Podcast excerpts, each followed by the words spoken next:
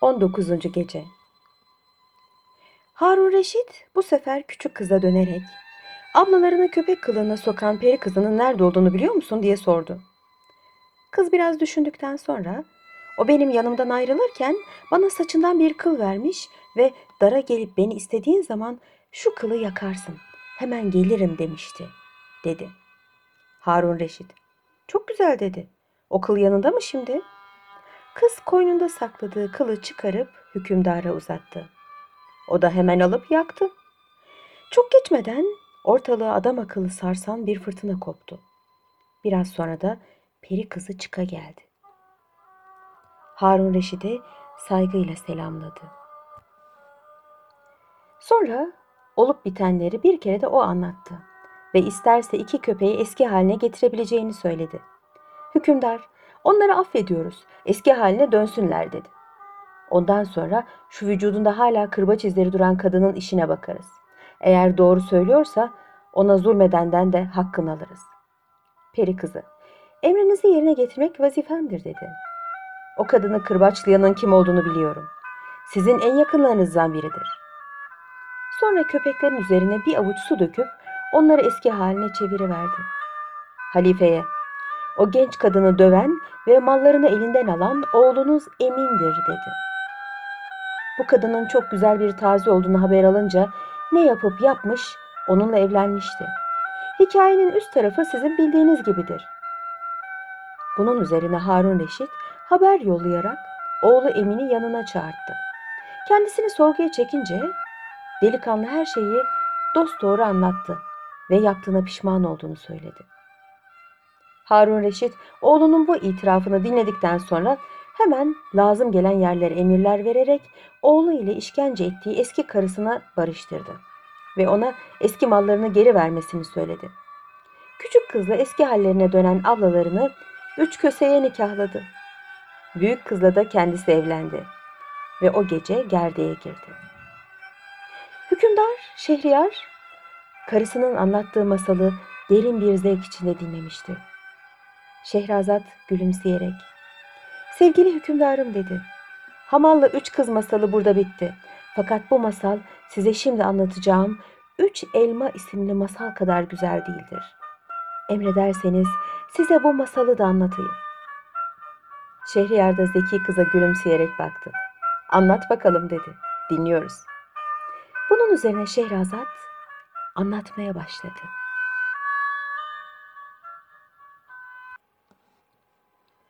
Üç Elma Bir gün Halife Harun Reşit veziri Cafer'e bugün yine halk arasında dolaşalım dedi. Bakalım memurlarımız ödevlerini hakkıyla yapıyorlar mı? Vezir Cafer gülümseyerek fena olmaz halkla bir olmak iyidir dedi. Akşama doğru Harun Reşit vezirini ve celladını yanına alarak Bağdat sokaklarında gezmeye başladı.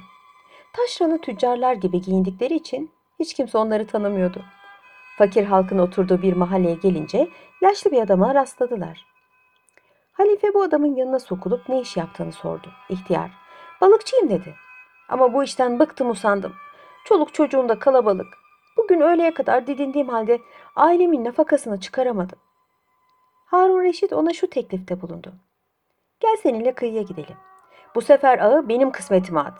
Ne çıkarsa senden yüz dinara satın alacağım. İhtiyar balıkçının gözleri sevinçle parladı. Baş üstüne dediğinizi yapacağım dedi. Balıkçı Harun Reşit'le adamlarının önüne düştü. Dicle kıyısına kadar gittiler. Orada ihtiyar kollarını sıvayıp ağını suya attı. Birkaç dakika bekledikten sonra çekti. Fakat tuhaf şey, ağ çok ağırlaşmıştı. Hem o kadar ağırlaşmıştı ki ihtiyar balıkçı bütün kuvvetini sarf ettiği halde ağını çekemiyordu. Nihayet vezir Cafer'le cellat Mesrur da ona yardım ederek ağı kıyıya çektiler. İçinden ağır bir sandık çıktı. Sandığın ağzı kapalıydı. Balıkçı o zamana kadar böyle bir av yakalamamıştı. Şaşkın şaşkın sandığa bakmaya başladı. Harun Reşit ona vaat ettiği yüz dinarı verip sandığı Mesrur'un sırtına yükletti. Saraya gönderdi. Biraz sonra Cafer'le saraya dönünce ayrı bir odaya kapanıp sandığı açtılar. Eğilip içine bakınca hayretten ağızları bir karış açık kaldı. Sandıkta eski bir halı parçasına sarılmış genç ve güzel bir kızın parçalanmış ölüsü vardı. Kızın halini görünce Harun Reşit'in gözleri yaşardı. Sonra birdenbire Cafer'e dönerek sinirli sinirli bağırdı. Bu cinayetten sen suçlusun. Çünkü memleketin güveni selameti senin elindedir.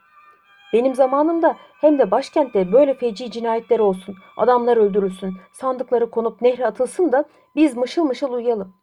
Yarın mahşerde bunun cevabını nasıl vereceğiz? Sana üç gün müsaade. Üç gün içinde suçluyu bulamazsan seni sarayının kapısında astıracağım. Vezir Cafer o gün sokağa çıktığına lanet ederek hükümdarın yanından son derece üzgün bir halde ayrıldı. Ne yapacağını şaşırmıştı. Dalgın dalgın Bağdat sokaklarında dolaşmaya başladı. Bir aralık kendi kendine herhangi bir serseriyi elinden tutup katil budur diye halifenin huzuruna götürebilirim. Fakat o zaman vicdanım rahat etmeyecek. Büyük bir günah işlemiş olacağım diye söylendi. Sonra evine gidip bir odaya kapandı. Yanına kimseyi yaklaştırmadı. Bu cinayetin sırrını nasıl çözeceğini, suçluyu nasıl yakalayacağını düşünmeye başladı. Bir taraftan da emir alan adamları harıl harıl çalışıyor, üç gün içinde katili bulmak için ellerinden geleni yapıyorlardı. Nihayet üçüncü gün gelip çattı. Ne Vezir Cafer ne de açık göz adamları katili bulabilmişlerdi. Cafer ümitsiz bir halde Harun Reşid'in yanına çıktı. Hükümdar onun durgun halinden bir şey yapamadığını anlamıştı. Sordu. Genç kızın katilini yakalayabildin mi? Hayır, yakalayamadım hünkârım. Bu cinayet içinden çıkılmayacak bir muammadır. Harun Reşit fena halde kızmıştı. Peki, öyleyse hemen evine git, çoluğunla çocuğunla helalleş, vasiyetnameni de yaz. Yarın asılacaksın. Ben sözümü geri almam.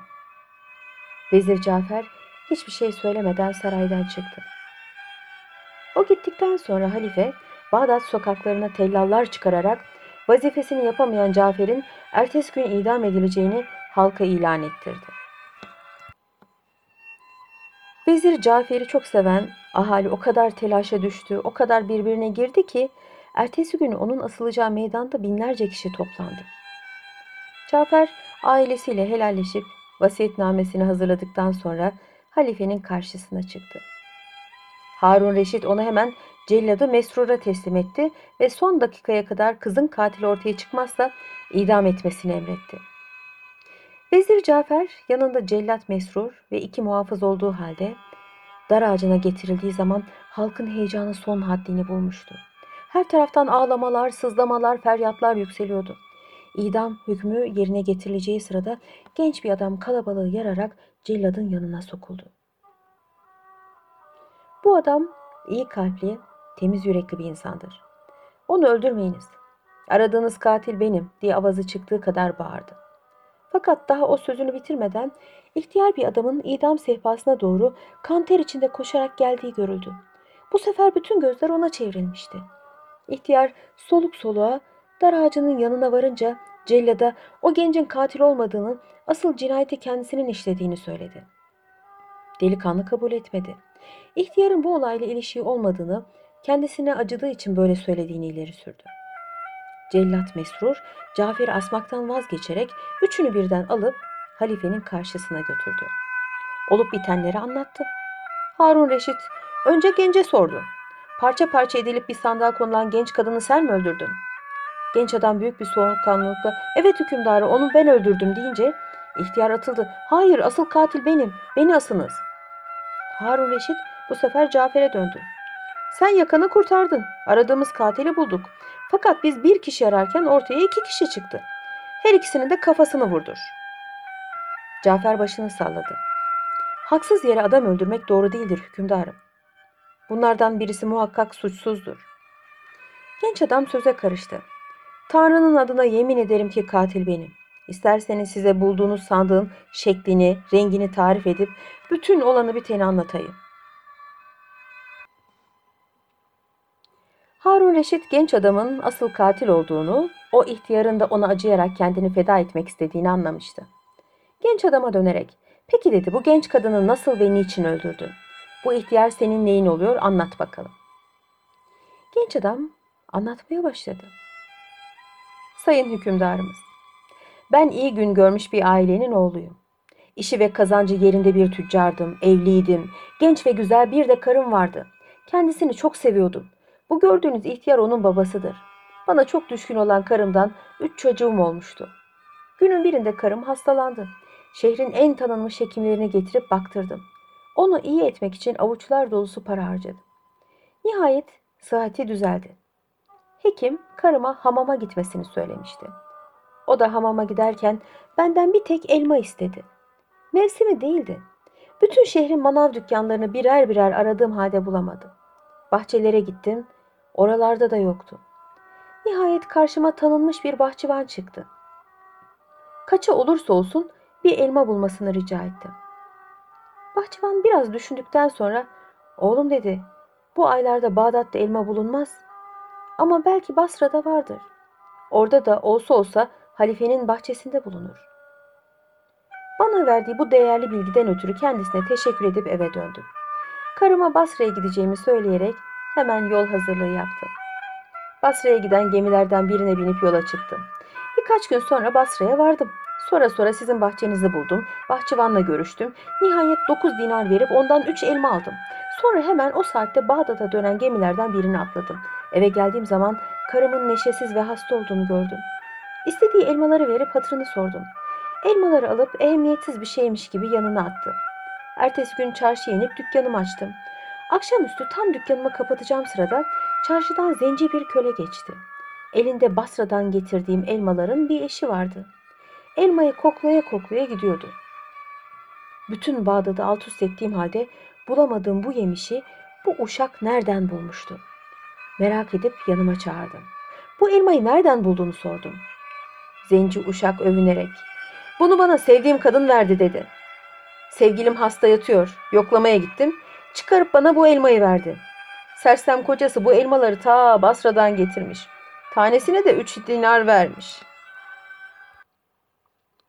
Bu sözleri işitince kan beynime sıçradı. Dünya gözümde zindan oldu. Zenci uşağa bir şey söylemeden dükkanımı kapayıp doğru eve gittim. Karım yatağına uzanmış yatıyordu. Getirdiğim elmalar yanında duruyorlardı. Yalnız bir tanesi eksikti. Büsbütün şüphelendim. Elmalardan birine ne yaptığını sordu. Omuz silkerek bilmiyorum şimdi bunu sormanın sırası mı dedi.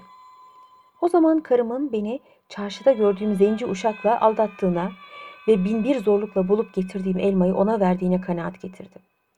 Böyle alçak ruhlu bir kadınla yaşamanın benim için bir felaket olduğunu iyice anladım. Onu yaşatmamalıydım. Hemen üstüne atıldım, hançerimle kafasını, kollarını, bacaklarını kestim. Eski bir halı parçasına sarıp bir sandığa yerleştirdim. Katıra yükleyip Dicle'nin kenarına kadar götürüp suya attım. Genç tüccar burada biraz durakladı. Gözlerinden akan yaşı sildikten sonra derin bir nefes çekerek sözlerine devam etti. Eve döndüğüm zaman büyük oğlumun hüngür hüngür ağladığını gördüm. Niçin ağladığını sorunca annem bana bir elma vermişti dedi. Sokakta arkadaşlarımla oynarken iri yarı bir zenci gelip elimden kaptı. Bunu nereden bulduğumu sordu. Annemden aldığımı söyledim. Annem hasta olduğu için babam da ta Basra'ya kadar gidip üç tane elma aldım. Tanesine de üç dinar verdi dedim. Zenci benimle alay edip elmamı vermeden kaçıp gitti. Onun için ağlıyorum. Annem beni dövecek diye korkuyorum. Oğlumun bu sözlerini işitince beynimden vurulmuşa döndüm. Zencinin bana yalan söylediğini anlayarak sorup soruşturmadan sevgili karımı öldürdüğüme bin pişman oldum. Onun için cezayı hak ettim. Bu suçu işlediğim günden beri gerek ben gerek kaynatam durmadan gözyaşı döktük. Artık bundan sonra hayatın bence değeri yoktur. Harun Reşit bu hikayeyi dinledikten sonra hiddetle başını sallayarak vezirine döndü. O zenci yakalanıp idam edilsin dedi. Bütün suç onundur. Şehrazat bu meraklı hikayesini burada kesmek zorunda kaldı. Çünkü artık sabah olmuştu. Hükümdarın isteği üzerine ertesi gece sözlerine şöyle devam etti. 20. gece Halife Cafer'e zencinin yakalanması için emir verdikten sonra unutma dedi. Bu adam yakalanmazsa onun yerine sen asılacaksın. Sana üç gün mühlet veriyorum. Cafer bu sözleri işitince karagamlara büründü. Kendi kendine bu sefer mutlaka asılacağım. Bu koca şehirde o zenci köleyi nereden bulurum diye söylendi. Ne olursa olsun üç gün evden dışarıya çıkmayacağım dedi ve evinin yolunu tuttu. Üç gün hiçbir tarafa çıkmadı. Dördüncü gün çocuklarıyla tekrar helalleşti. Vasiyetnamesini yazdığı sırada Harun Reşid'in saray adamlarından biri yanına geldi. Halifenin çok sinirli olduğunu, akşama kadar o zenci köle meydana çıkarılmazsa mutlaka idam edileceğini söyledi. Cafer ağlayarak o sırada etrafında dolaşan küçük kızını kucakladı. Bu sırada çocuğun cebinde sert bir şey bulunduğunu fark etti. Sevimli yavrusuna bunun ne olduğunu sorunca küçük kız cebinden bir elma çıkararak "Geçenlerde bizim köle Reyhan bana bir elma vermişti. Buna karşılık benden iki dinar aldı. Ben de bu güzel kokulu elmayı yemeye kıyamadım yanımda sakladım." dedi. Cafer'in gözleri sevinçle parladı. Hemen kızına köleyi çağırmasını söyledi. Kız koşup Reyhan'ı çağırdı. Zenci köle gelince Cafer onu bir kenara çekip küçük kızına sattığı elmayı nereden bulduğunu sordu. Zenci köle hiçbir şeyi gizlemedi. Efendim dedi, bundan beş gün evvel sokaktan geçerken bir çocuğun elinde bu elmayı görmüştüm. Hoşuma gitti, çocuğa bunu nereden aldığını sordum. Babasının hastanesi için ta Basra'dan alıp getirdiğini söyledi. Bunun üzerine elinden kaçıp hemen kaptım ve küçük bayana sattım. Cafer hemen kölesinin ellerini bağlayarak saraya götürdü. Halifenin huzuruna çıkartarak olup bitenleri anlattı. Harun Reşit bu çok meraklı olaya şaşmaktan kendini alamadı. Yanındaki adamlara bu hikaye yazılmalı ve yarının çocuklarına ibret olmalıdır dedi. Cafer halifenin bu sözü üzerine Efendimiz dedi Vezir Nurettin ile kardeşi Şemseddin hikayesi bundan daha meraklıdır. Kölemin cezasını affetmediği vaat ederseniz size bu hikayeyi anlatabilirim. Harun Reşit hiç düşünmeden peki anlat dedi. Benden de zenci köleyi öldürtmekten vazgeçiyorum. Bunun üzerine Cafer anlatmaya başladı.